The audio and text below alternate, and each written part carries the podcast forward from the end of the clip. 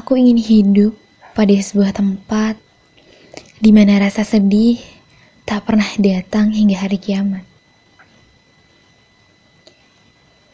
Aku ingin bertemu dengan seseorang yang dapat meyakinkanku bahwa pertemuan datang tidak untuk menjadi hilang.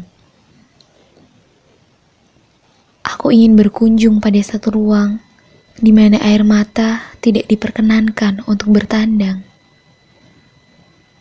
Aku ingin mendapati seseorang yang tidak akan mampu membuat saling berperang. Aku ingin mengundang seseorang yang tak mengundang orang lain agar dia terang.